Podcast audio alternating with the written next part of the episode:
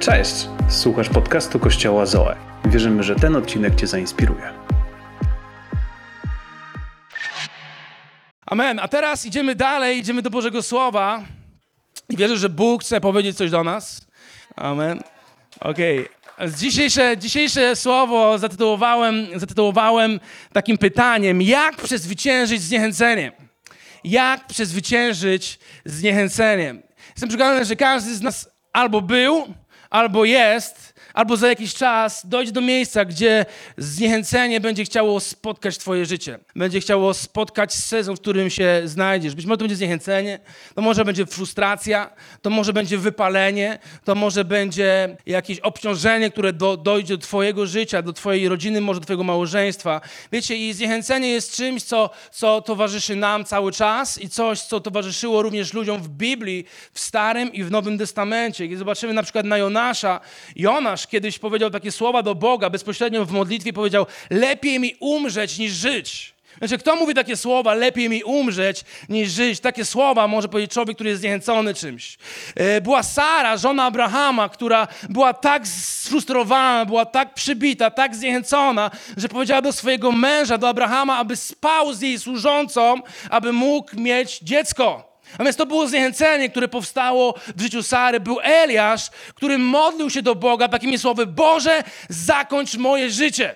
Zakończ moje życie. Był Mojżesz, który chodził, czytamy, że był cały czas sfrustrowany ludźmi, Izraelem, który, któremu przewodził. Był Jeremiasz, prorok Jeremiasz, który mówił do Boga: Przeklęty dzień, w którym się urodziłem przeklęty dzień, w którym się urodziłem. A więc to nam pokazuje, że zniechęcenie może dojść do naszego życia.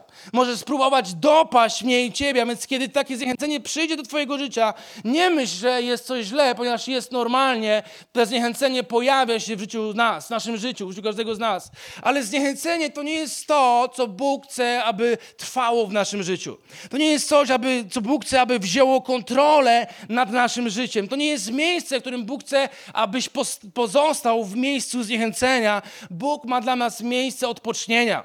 Bóg ma dla nas miejsce życia pełnego obfitości i Bożego błogosławieństwa i On chce nas zabrać do tego lepszego miejsca. Dlatego dzisiaj będziemy mogli powiedzieć o tym, jak przezwyciężyć zniechęcenie, jak sobie poradzić z zniechęceniem.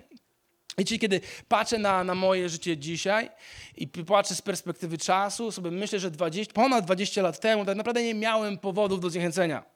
Nie miałem w ogóle powodów, ponieważ mieszkałem w domu moich rodziców, wiecie, i tam wszystko było ok. Wszystko miałem podane pod nosem na talerzu. I nie miałem powodów, aby dopadło mnie zniechęcenie. Ale, ale w momencie, kiedy poznałem moją żonę, w momencie, kiedy, kiedy podjęliśmy decyzję, że chcemy razem iść przez życie, to był moment, kiedy tak naprawdę zaczęły się pojawiać sytuacje, i momenty, w których zniechęcenie próbowało dopaść moje życie. Wiecie, normalne małżeństwo, normalna para, oni przeważnie poczekają, aż skończą studia, później znajdą dobrą pracę. Tak wydaje mi się dzieje w dzisiejszych czasach. Nie wiem, czy zwróciliście uwagę. Najpierw studia, kończę studia, mam, mam papierek, mam magistra, a potem sobie znajduję dobrą pracę i później, kiedy już mam dobrą pracę i wszystko jest poukładane i najlepiej jeszcze mam mieszkanie, wtedy wchodzę, wchodzę w związek małżeński. Ale my nie, nie, nie, nie. My nie jesteśmy normalni normalni. Wie to, co my zrobiliśmy? Ja miałem wtedy 20 lat, Kinga miała 19 lat. I my stwierdziliśmy, że my chcemy już i teraz. My chcemy już i teraz. Chcemy już i teraz być małżeństwem, już i teraz nie chcemy czekać kolejnych lat. A więc wiecie, pobraliśmy się w wieku 20 lat. Kto z was tak kiedyś zrobił? Jakie jest tylko jedna para, Mark i Katia. To jest dobry przykład. I jest jeszcze jedna, jeszcze jedna osoba. Wiecie, a więc my, jako nienormalni ludzie, zrobiliśmy to, czego nikt nie robi, a więc stwierdziliśmy, że my się pobierzemy w wieku 20 lat i w, wieku, i w tym wieku też pójdziemy na studia i razem poszliśmy na dziennikarstwo, na prywatną uczelnię i nagle się okazało, że, że po pół roku nam nie starcza pieniędzy na tą uczelnię, więc musieliśmy wziąć jakiś kredyt, aby udało nam się płacić za te studia i zaczęliśmy, wzięliśmy kredyt, zaczęliśmy płacić za studia, zrobiliśmy remont mieszkania, które wynajęliśmy, które było po pożarze i nagle się okazało, że te pieniądze, które wzięliśmy z kredytu się skończyły, a my dalej musimy płacić, musimy spłacać ten kredyt, więc, więc poszliśmy do pracy, pracowaliśmy dużo i nagle zaczęły się pojawiać problemy. Ponieważ trzeba spłacić karty kredytowe, ponieważ trzeba spłacić kredyty i trzeba, i trzeba zacząć w jakiś sposób żyć, więc otworzyliśmy biznes, a kiedy otwierasz biznes, znowu się pojawiają kolejne problemy. I problem za problemem, a więc studiujesz i, i jesteś zaangażowany w kościele i prowadzisz biznes i, i zarabiasz, żeby jakoś przeżyć i w tamtym momencie nagle się okazało, że Kinga jest w ciąży.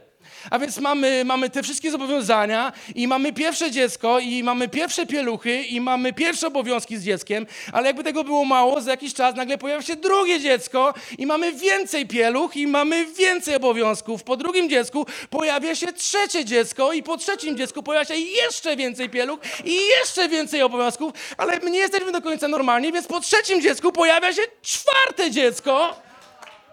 I za chwilę będzie jeszcze więcej pieluch i jeszcze więcej obowiązków. I w tym samym czasie, w tym samym czasie prowadzisz biznes, w tym samym czasie podjąłeś decyzję, że chcesz założyć kościół, przeprowadzić się do Warszawy i w tym samym czasie, kiedy to wszystko się dzieje, dzieci się rodzą, te pieluchy cały czas śmierdzą, nagle się okazuje, że potrzebujesz wbudować dom, żeby tych wszystkich ludzi gdzieś pomieścić, wiecie, i, i, i, i jest wiele, wiele różnych wyzwań, wiele różnych trudności i nagle pojawiają się momenty zniechęcenia. Pojawiają się momenty wypalenia. Pojawiają się momenty, kiedy widzisz, że wszystko idzie pod górkę, a nie z górki. Oczywiście są momenty, że idzie wszystko z górki i wszystko się dobrze układa, ale tych momentów, że kiedy jest z górki, zauważyliście, że w życiu jest mniej. Przeważnie jest pod górkę. Wiecie, kiedy, kiedyś pewnego dnia pamiętam i byłem czymś zniechęcony i byłem czymś, czymś, czymś, czymś wypalony. E, I otworzyłem Biblię i otworzyłem tę Biblię na, na liście do Hebrajczyków na 12 rozdziale. I tam autor mówi takie słowa w pierwszym wersecie. Chodzi o to, gdybyście nie wiedzieli o co chodzi, to on mówi o co nam chodzi. Chodzi o to, abyśmy mieli siły do wytrwania w naszym biegu i zwycięskiego dokończenia zmagań, przez które tu przechodzimy. Jakbyśmy nie wiedzieli. Halleluja! Chodzi o to, abyśmy mieli te siły, aby wytrwać w naszym biegu i zwycięsko dokończyć zmagania. A więc co ten fragment nam mówi? Ten fragment Bóg nam pokazuje, że będą zmagania w naszym życiu. Jeśli myślisz, że nawróciłeś się tym chrześcijaninem i nagle wszystkie zmagania znikną z twojego życia, to nie jest prawda. Ten fragment pokazuje, że będą zmagania, ale my jesteśmy w stanie w zwycięski sposób, nie zniechęcony, nie wypalony, nie zmęczony, nie sfrustrowany, nie ten, który się poddaje, nie ten, który rezygnuje. Jesteś w zwycięski sposób dokończyć wszystkie swoje zmagania, przez które tu przechodzimy na ziemi. A więc w życiu chodzi o to, abyśmy mieli siły. Aby każdy z nas miał siłę. Może zwrócić do osoby po prawej stronie i powiedzieć: Hej, chodzi o to, abyś miał więcej siły. Chodzi o to, abyś miał więcej siły. Siły do wytrwania w naszym życiu. Wiecie, i wcale nie jest tak, że życie ma tak wyglądać, że my będziemy zniechęceni. To nie jest tak, że ty co jakiś czas będziesz łapał doła. Oczywiście może tak wydarzyć, tak jak mówiłem w moim przypadku, się tak wydarzyło kilka razy. W przypadku Jonasza, Mojżesza, Sary, Eliasza, Jeremiasza i wielu innych, króla Dawida, pojawiały się te momenty zniechęcenia, ale to nie jest miejsce, w którym Bóg chce, abyś pozostał. Nawet kiedy masz dużo spraw na głowie, nawet kiedy masz dużo dzieci w swoim życiu, nawet kiedy masz dużo obowiązków, dużo biznesów i dużo pieniędzy musisz wydać, żeby zapłacić za wszystkie potrzeby swojej rodziny. Nawet kiedy to wszystko się dzieje, Bóg jest w stanie przeprowadzić cię przez tę sytuację w zwycięski sposób. Z głową do góry, nie schowany gdzieś nisko i, i uciekający, mówiąc, że nie, ja nie mam już siły. Ja już nie chcę tak żyć. Ja już chcę zrezygnować z tego, co się dzieje. Wiecie, kiedy patrzymy na Jezusa, widzimy, że On naprawdę był zajętym człowiekiem. To były trzy lata, wyobraź sobie trzy lata, to były trzy lata niesamowitej służby Jezusa. Jeden z apostołów, który opisuje wszystkie działania Jezusa, mówi, że gdyby chciał opisać wszystko, co Jezus zrobił, to nie starczyłoby nam czasu do końca świata. On tak to widział. Nie starczyłoby nam czasu. A więc tak naprawdę Ewangelia Mateusza, Marka, Łukasza i Jana to jest ogromne streszczenie, ogromne, ogromne, ogromne streszczenie wszystkich działań Jezusa. Ale w żadnym z tych streszczeniu nie widzimy, żeby Jezus był czymś zniechęcony i chciał się poddać.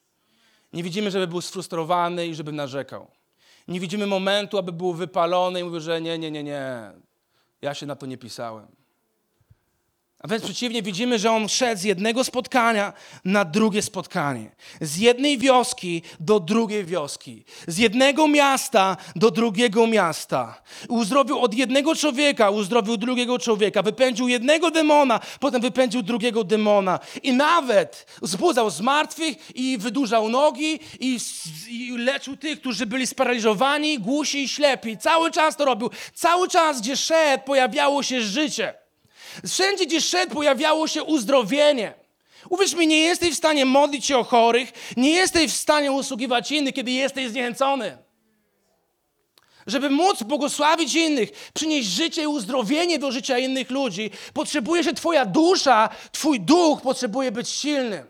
A więc co nam pokazuje, że Jezus ani razu nie był zniechęcony. Ponieważ gdyby był zniechęcony, nie mógłby usługiwać innym. A on przez trzy lata zrobił tyle, co my wszyscy razem nie jesteśmy w stanie zrobić w ciągu całego naszego życia. Ale więc dlaczego to było tak? Dlatego, że Jezus był Bogiem? Nie.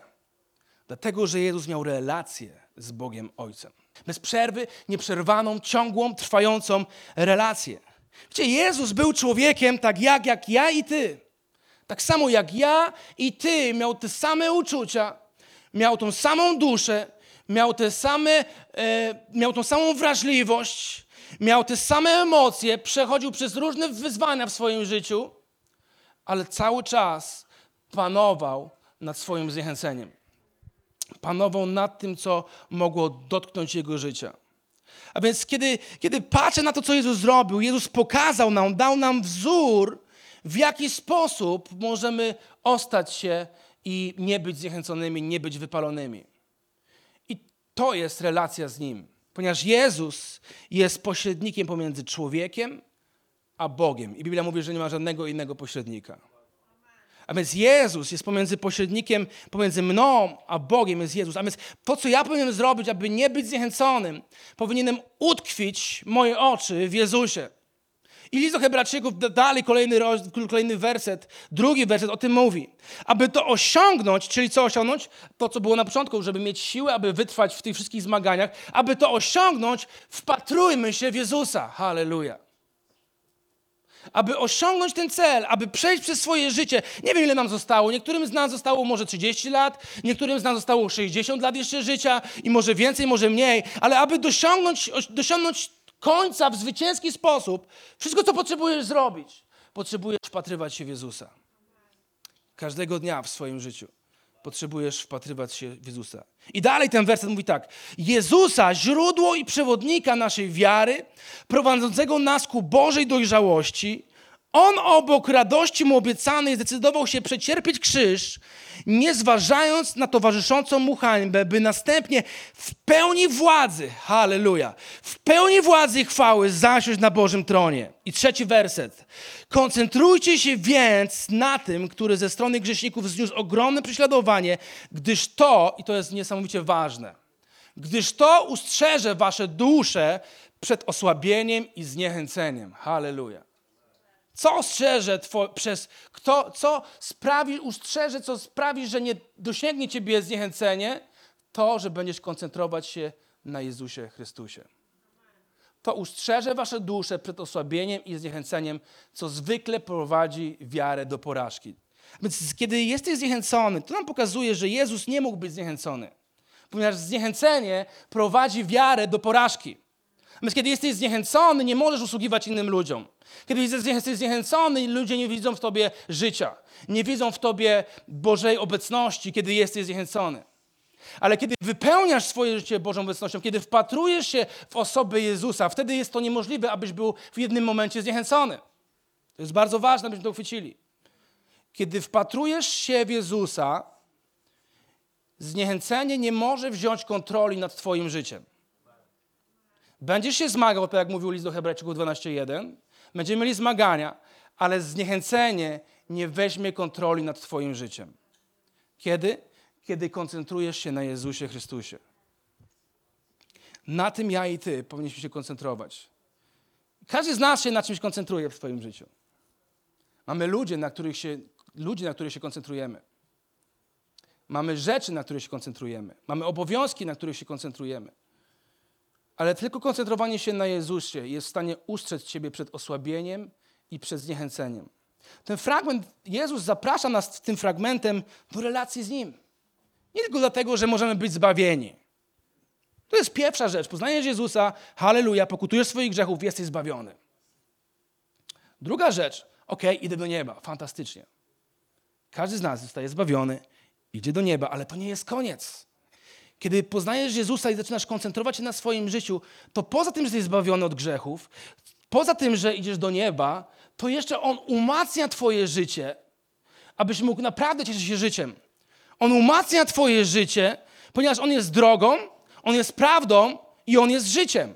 A więc On jest drogą do prawdy. Jakiej prawdy? Prawdy, która przynosi wolność, która wyswobadza. A więc jest drogą, prawdą, prawdą, która prowadzi do życia. Do jakiego życia? Do życia Zoe. Do życia w pełni. Do życia, w jaki sposób Bóg zaplanował życie dla nas, a nie ten świat. Ewangelia Mateusza, 11 rozdział, 28 werset mówi tak. Dlaczego wszyscy, którzy jesteście utrudzeni i czujecie się przeciążeni, dlatego wszyscy, przepraszam, którzy jesteście utrudzeni i czujecie się przeciążeni, przychodźcie do mnie, a ja dam wam odpocznienie. Zobaczcie to słowo. To nie jest słowo przyjdźcie do mnie. To jest słowo w przetłumaczeniu, w dynamicznym tłumaczeniu dosłownym. A więc tu jest napisane przychodźcie do mnie. To oznacza, że tu nie chodzi o to, abyś ty raz przyszedł do Boga.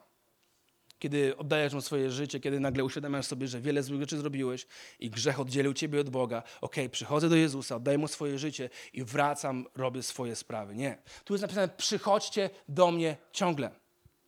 Przychodźcie do mnie cały czas. Każdego dnia. Przychodźcie do mnie rano, przychodźcie do mnie w ciągu dnia, kiedy macie różne trudne sytuacje, przychodźcie do mnie wieczorem. Bądźcie połączeni ze mną. Tak jak czytaliśmy tydzień temu, kiedy czytaliśmy o tym, że, że Jezus jest krzewem i my jesteśmy wszczepieni w Niego. Ja i Ty, żeby żyć stabilnym życiem, żeby żyć życiem, które nie jest przepełnione zniechęceniem, potrzebujesz być wszczepiony w relację z Jezusem. Potrzebujesz przychodzić do Niego cały czas, bez przerwy. Tylko wtedy będziesz miał siły, aby sprostać i zwyciężyć osłabienie, wypalenie i zniechęcenie w swoim życiu. Poprzez przychodzenie i poprzez wpatrywanie się w Jezusa. Wiecie, jest wielu ludzi, w których my się wpatrujemy. Macie takich ludzi, w których się wpatrujemy? Mamy wielu ludzi. Każdy z nas ma jakichś ludzi, których się wpatruje. Niektórzy z nas wpatrują się w naszych swoich rodziców. Wpatrujesz się w swojego tatę, wpatrujesz się w swoją mamę. Oni są dla ciebie takim wzorem do naśladowania. Wpatrujesz się w to, w jaki sposób podejmowali decyzje, wpatrujesz się w to, w jaki sposób żyli, co mówili, jakie, jakie działania podejmowali i, i, i jaki był ich, ich styl życia. Wpatrujesz się w swoich rodziców. Niektórzy z nas mogą wpatrywać się w swoich przyjaciół. Masz przyjaciół, których cenisz, którzy są naprawdę dla ciebie ważni, się wpatrujesz w nich i oni są dla ciebie wzorem. Wpatrujemy się w nasze rodzeństwo, starsze rodzeństwo być może i chcemy być tacy jak oni. Albo wpatrujemy się w naszych idoli.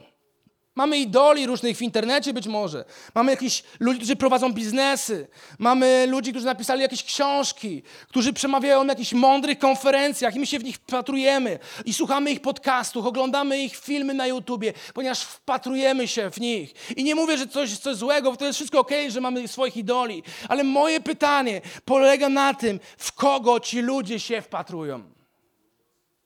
W kogo wpatrują się ludzie, w których my się wpatrujemy. Ponieważ jeśli nie wpatrują się w Jezusa, przyjdzie moment, nawet kiedy się w nich wpatrujesz i są, i są dobrym modelem do naśladowania dla ciebie, nawet kiedy oni nie, wpatrują, jeśli nie wpatrują się w Jezusa, przyjdzie moment w twoim życiu, kiedy dopadnie cię zniechęcenie. Jeśli oni nie czerpią siły, nie czerpią z źródła, którym jest Jezus, On jest wodą żywą i On jest wodą, która ożywia nasze życie, kiedy jeśli nie czerpią z tego źródła, którym On jest, na pewno dopadnie ich zniechęcenie. Na pewno dopadnie ich frustracja w pewnym momencie. Frustracja z stanem rzeczy, która, która jest. I to być może przeleje się na ciebie, ponieważ zobaczysz, że nagle coś nie poszło po ich myśli. I w 1 Koryntian 11:1 jest napisane tak. Dlatego bądźcie dobrzy, bo będzie dobrze, jeśli w codziennym życiu staniecie się moimi naśladowcami w taki sam sposób, jak ja naśladuję Chrystusa. Co Paweł mówi w tym momencie? On mówi do Koryntia, hej, jest wiele modeli różnych do naśladowania wokół was, ale naśladujcie mnie, ponieważ ja naśladuję Chrystusa. A więc kiedy na kogoś patrzymy, musimy się upewnić, że ta osoba, jej wartości, jej standardy, jej styl życia jest zgodny z tym, czego Jezus nas uczy. Wiecie, ludzie w dzisiejszych czasach ciągle za czymś gonią. My za czymś gonimy. My gonimy za wieloma różnymi rzeczami. Możemy gonić dlatego po to, aby się poczuć lepiej. Możemy gonić po to, aby być uznanymi i żeby inni nas uznali. Gonimy za czymś, aby, aby być lubianym. Gonimy za tym, aby być podziwianym. Gonimy za wieloma rzeczami, które dadzą nam bezpieczeństwo. I że ludzie, którzy patrzą na nasze życie, będą mówić, tak, tak, to jest to, co jest ważne w naszym życiu. Albo możemy z kolei, kiedy nie gonimy za czymś, to możemy uciekać od czegoś. Możesz uciekać od, od zranienia. Możesz uciekać od odrzucenia. Możesz uciekać od lęku przed porażką. A więc my jako ludzie, kiedy zobaczymy, przypatrzymy się na czasy, w których żyjemy, gonimy za czymś, biegniemy do czegoś, albo uciekamy od czegoś. Po co? Po to, aby poczuć się lepiej. Gonimy albo uciekamy, aby poczuć się lepiej. Aby inni ludzie mogli zobaczyć, że w naszym życiu wszystko się układa, że wszystko dobrze działa.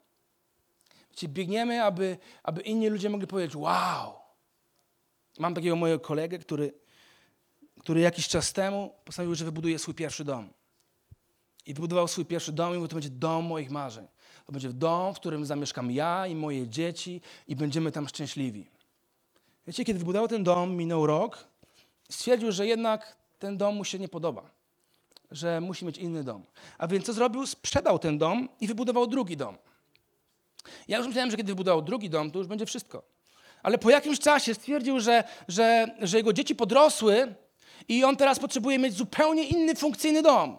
Zupełnie w inny sposób to wszystko sobie wyobrażał. Więc co zrobił? Sprzedał drugi dom i wybudował trzeci dom. A więc kiedy wybudował trzeci dom, ja już byłem przekonany, że to jest wszystko. Że na pewno nie będzie się bawił, bo ja zajmuję, wiecie, budowanie domu to nie jest kupowanie, wiecie, bułek w sklepie. To zajmuje czas, zajmuje twoje nerwy i, i zajmuje wszystko tak naprawdę w swoim życiu, ponieważ ty budujesz teraz dom. Wiem, byłem tam. A więc kiedy wybudował ten trzeci dom, ja byłem przekonany, że to jest wszystko, to jest koniec. Ale nagle, on niedawno z nim rozmawiałem, mówi, hej, wiesz co, Szymon, sprzedaję ten dom i buduję czwarty dom. Wow, naprawdę, jesteś niezły gościu.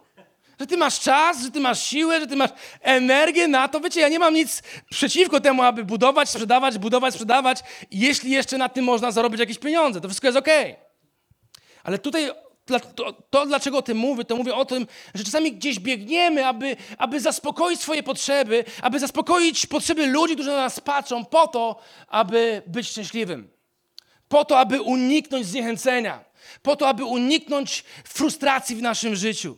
Wiecie, więc kupujemy kolejny dom, kupujemy kolejny samochód, kupujemy kolejny telewizor, kupujemy kolejne egzotyczne wakacje, robimy kolejny fakultet i staramy się, by otworzyć kolejny biznes i chcemy zdobyć kolejne tysiąc ludzi na Instagramie albo gdzieś na Facebooku, na, na YouTubie, po to, ponieważ wiemy, że kiedy tam dojdziemy, to na pewno już będę szczęśliwy. To na pewno już będzie lepiej w moim życiu.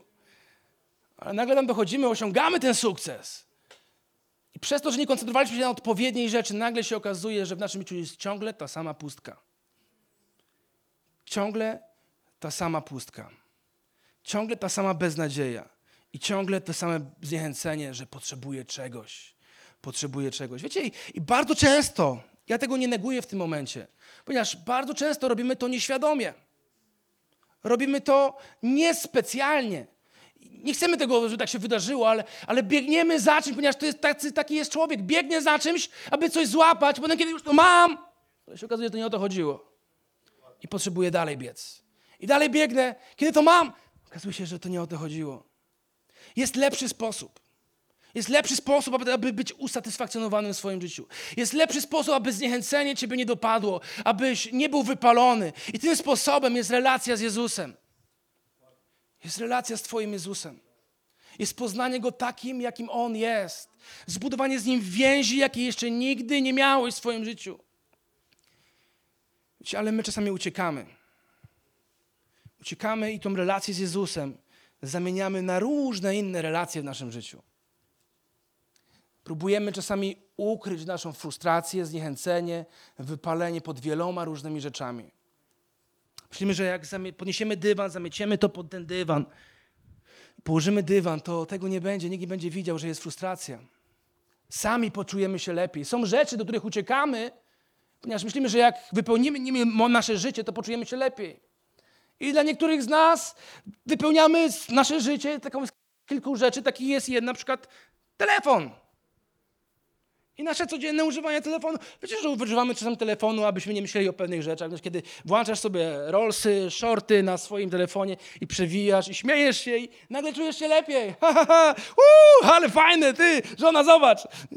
I przewijamy to. Wiecie, i mija nam często, statystyki mówią, że przeciętny Polak spędza dwie godziny dziennie, dwie godziny dziennie spędza w social mediach w mediach społecznościowych. Inny Polak może nie będzie tak dużo oglądał tele, tele, telefonu swojego, ale będzie dużo oglądał seriali i filmów. I Netflix będzie jego przyjacielem. Wiecie, że statystyki mówią, że przeciętny Polak ogląda 4 godziny dziennie telewizję? 4 godziny to to, to statystyka średnia. A więc są ludzie, którzy mniej oglądają, są ludzie, którzy oglądają więcej, to jest matematyka, co nie? I wychodzi nam średnia w środku 4 godziny. To jest przeciętny człowiek, przeciętny Polak. Niektórzy inni uciekają do gier komputerowych. To jest to, z czym zmagam się mojego syna. Xbox, PlayStation, gry komputerowe. I czasami wchodzimy do tego świata, wiem, ponieważ też tam byłem, byłem nastolatkiem, wchodzimy do tego świata i nagle mijają nam godziny. Albo niektórzy uciekają, kiedy jest zniechęcenie w twoim życiu, to to, co robią, to idą na zakupy. Ktoś z was tak miał? Okej, nikt tak nie miał. Ale są tacy ludzie, którzy tak mają. Kiedy, kiedy jest idą, kupują albo oglądają rzeczy w internecie, które mogliby sobie kupić może. Może to samo oglądanie tych rzeczy sprawia, że, że, że, że poczuje się lepiej. Już nie będę taki zniechęcony tym stanem rzeczy, ponieważ to jest, wiecie, to jest realny świat. Ale kiedy sobie coś pooglądam w internecie, te wszystkie ekstra samochody i, i domy, i torebki, i ciuchy, to tak poczuję się lepiej. Niektórzy, żeby ukryć swoje zniechęcenie, biorą nadgodziny w pracy i pracują więcej. Musisz pracować 8 godzin, ale ty będziesz pracował 12 godzin, 14 godzin, aby ukryć swoją frustrację, aby nie myśleć o tym, co cię zniechęca. Niektórzy z nas ukrywają swoje zniechęcenie w alkoholu, w używkach. Mój sąsiad ukrywa zniechęcenie w papierosach i kopci jako lokomotywa cały czas. Kiedy coś się wydarzy nie tak, mówi, muszę iść zapalić, muszę iść zapalić, muszę iść zapalić. Jakby to palenie miało ukryć zniechęcenie. Wiecie, niektórzy z nas zaczynają jeść, jak szaleni, kiedy są zniechęceni. Aż się im uszy częsą, tak wiecie. I wiecie, i zaczynają gotować, kiedy jest zniechęcenie, aby ukryć pod jedzeniem to wszystko, to zniechęcenie, frustrację. A niektórzy jeszcze inni uciekają do towarzystwa i to towarzystwo nie zawsze jest dobre. Mamy kumpli, mamy koleżanki, znajomych, którzy nie zawsze wnoszą coś dobrego do naszego życia. Wiecie, i kiedy, kiedy policzymy te wszystkie przewijania, te wszystkie rzeczy, do których uciekamy, to są, to są dziesiątki godzin tygodniowo, to są setki godzin miesięcznie, to są tysiące godzin rocznie. Tysiące godzin rocznie, które ucieka nam po to, aby ukryć zniechęcenie i poczuć się lepiej. Wiecie, że z tysiącem godzin można całkiem dużo zrobić? Przynajmniej każdemu z nas. Na te wszystkie rzeczy, które nie wnoszą nic pożytecznego naszego życia. Które nic nie zmieniają w naszym życiu. Każdy z nas ma przynajmniej swoje tysiąc godzin, które nam ucieka. Wiesz, że z tysiącem godzin możesz nauczyć przynajmniej dwóch języków obcych? A więc w jednym roku, nie robiąc tych wszystkich rzeczy, mógłbyś nauczyć się dwóch języków obcych. Niektórzy z nas w ciągu tysiąca godzin mogliby nauczyć się programowania, jakiegoś języka programowania dewelopera i mogliby zmienić swoją pracę. Pójść na kurs, zrobić tysiąc godzin kursu, nauczyć się programować, robić strony internetowe, nie wiem, aplikacje jakiekolwiek i znaleźć dobrą pracę za granicą. Online, nie musisz nigdzie wyjeżdżać. I możesz mieć tą pracę. Tysiąc godzin. Tysiąc godzin może sprawić, że zrobisz naprawdę dobry kurs mechanika samochodowego. A kto chciał być mechanikiem samochodowym? Albo ktoś może, jakaś kobieta, bo może kobiety nie lubią mechaników, to może zrobić jakiś kurs kosmetologii albo medycyny estetycznej. Tysiąc godzin! To jest naprawdę dużo godzin, kiedy możesz się czegoś nauczyć. Wiecie, z tysiąc godzin można zrobić licencję pilota. Albo oglądać Netflixa. W tysiąc godzin można przeczytać kilkadziesiąt książek w swoim życiu, które zmienią coś w twoim życiu. W tysiąc godzin możesz nauczyć się grać na instrumencie i po, po tych tysiącach godzin możesz dawać koncerty w filharmonii. W tysiąc godzin możesz wyrzeźbić sześciopaka i schudnąć 20 kg. To jest dobra, man. To jest moje wyzwanie na najbliższe tysiąc godzin. Halleluja. Więc wiecie, to są tylko rzeczy takie wybrany, ale co gdybyś tysiąc godzin przeznaczył na relację ze swoją żoną? Na relację ze swoimi dziećmi? Relacje ze swoimi braćmi i siostrami, których masz w swojej rodzinie? Gdybyś mógł zainwestować te tysiąc godzin i powiedział, ok, w tym roku inwestuję te godziny, aby zbudować lepszą więź. Jestem przekonany, że twoje małżeństwo hu, poszybowałoby na zupełnie nowy poziom, gdybyś tysiąc godzin zainwestował w swoją żonę albo tysiąc godzin zainwestował w swojego męża. Halleluja. Co by się według wydarzyło, gdybyśmy te tysiąc godzin mogli wykorzystać na relację z Panem Jezusem? Okej, tysiąc to może za dużo, ale gdybyś mógł naprawdę 300 godzin, a więc każdego dnia jedną godzinę przeznaczam na relację z Jezusem, aby poznać Go jeszcze bardziej, aby doświadczyć mocy Ducha Świętego w swoim życiu.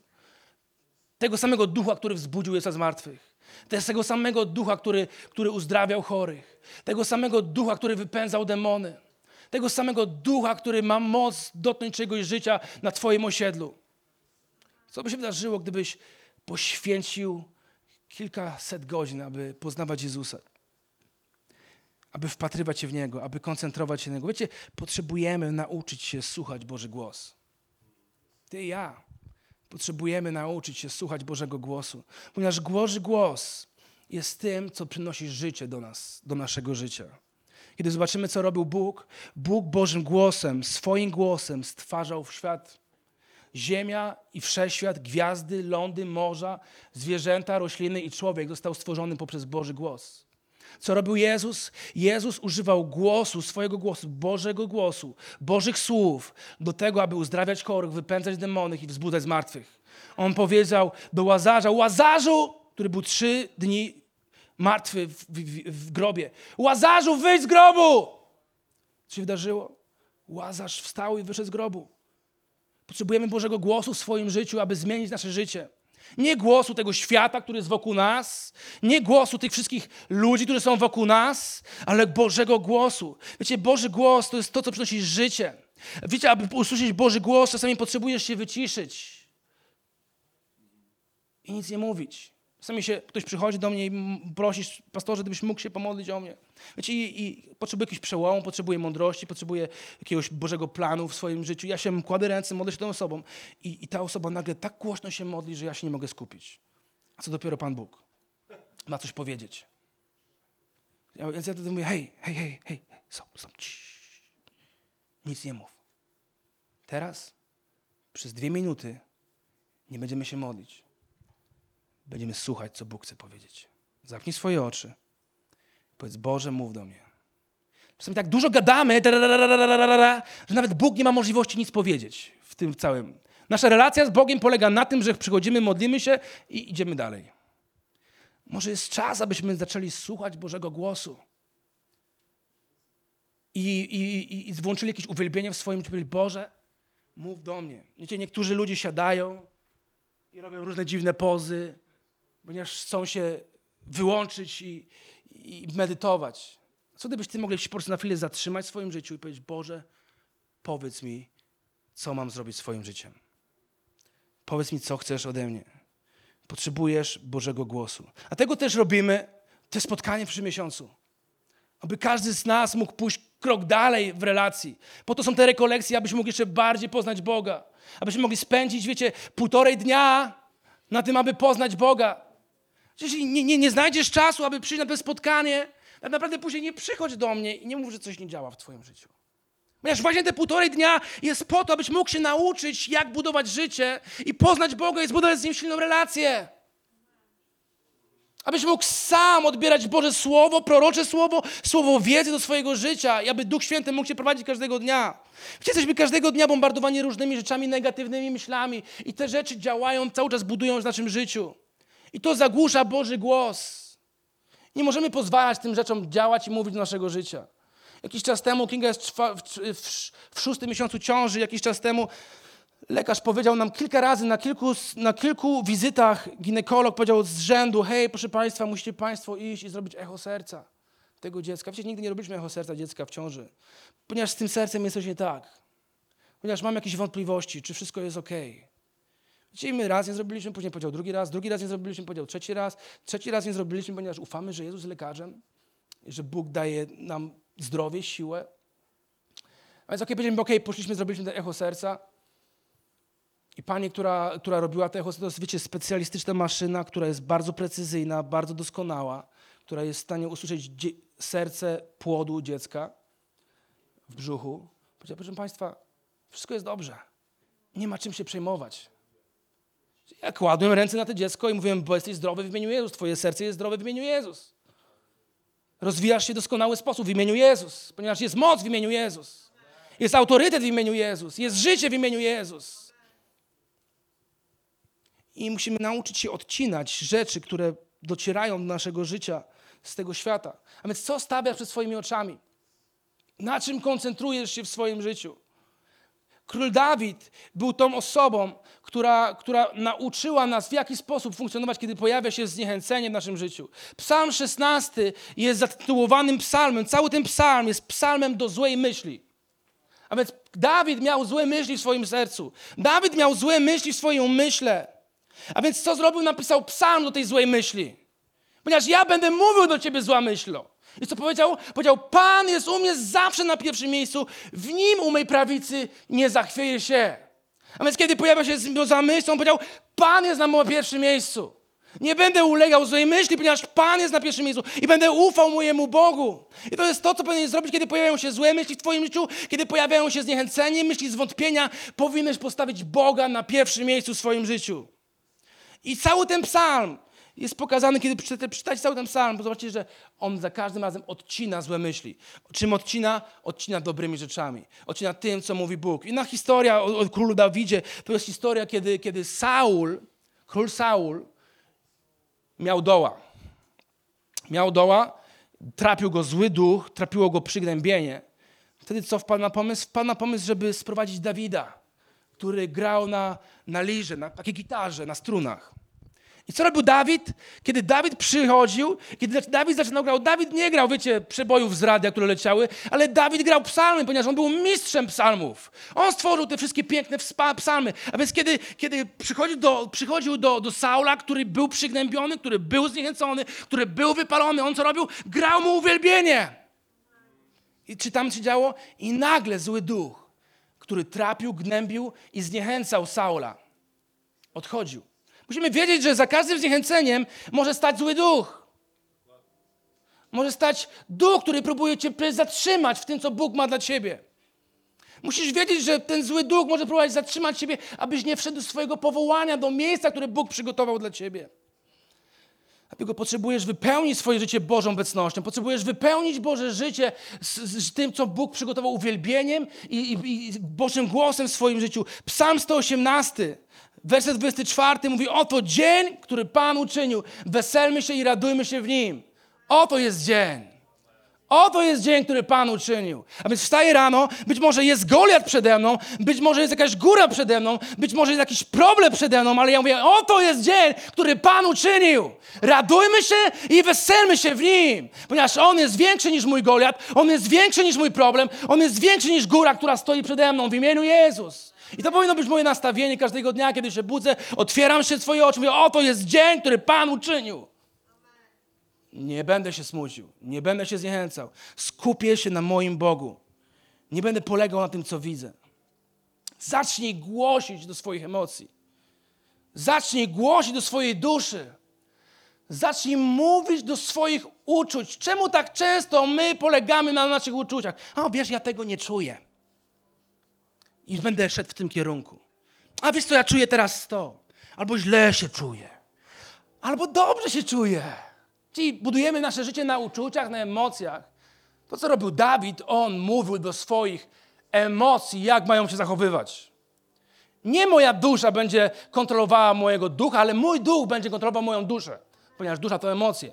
Co mówił Dawid? Mówił Psalm 103. Błogosław moja dusza Panu i Ty, każda cząstka mojego wnętrza, błogosław moja dusza Pana i nie zapominaj o żadnym Jego dobrodziejstwie. Hej, moja duszo, hej, moje przygnębienie, hej, mój dole, hej, moje wypalenie, błogosław moja duszo Panu.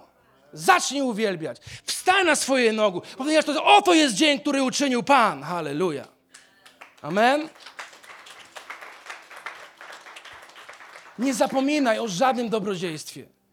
Nie zapominaj o, o tym uzdrowieniu, które Bóg dokonał w Twoim życiu.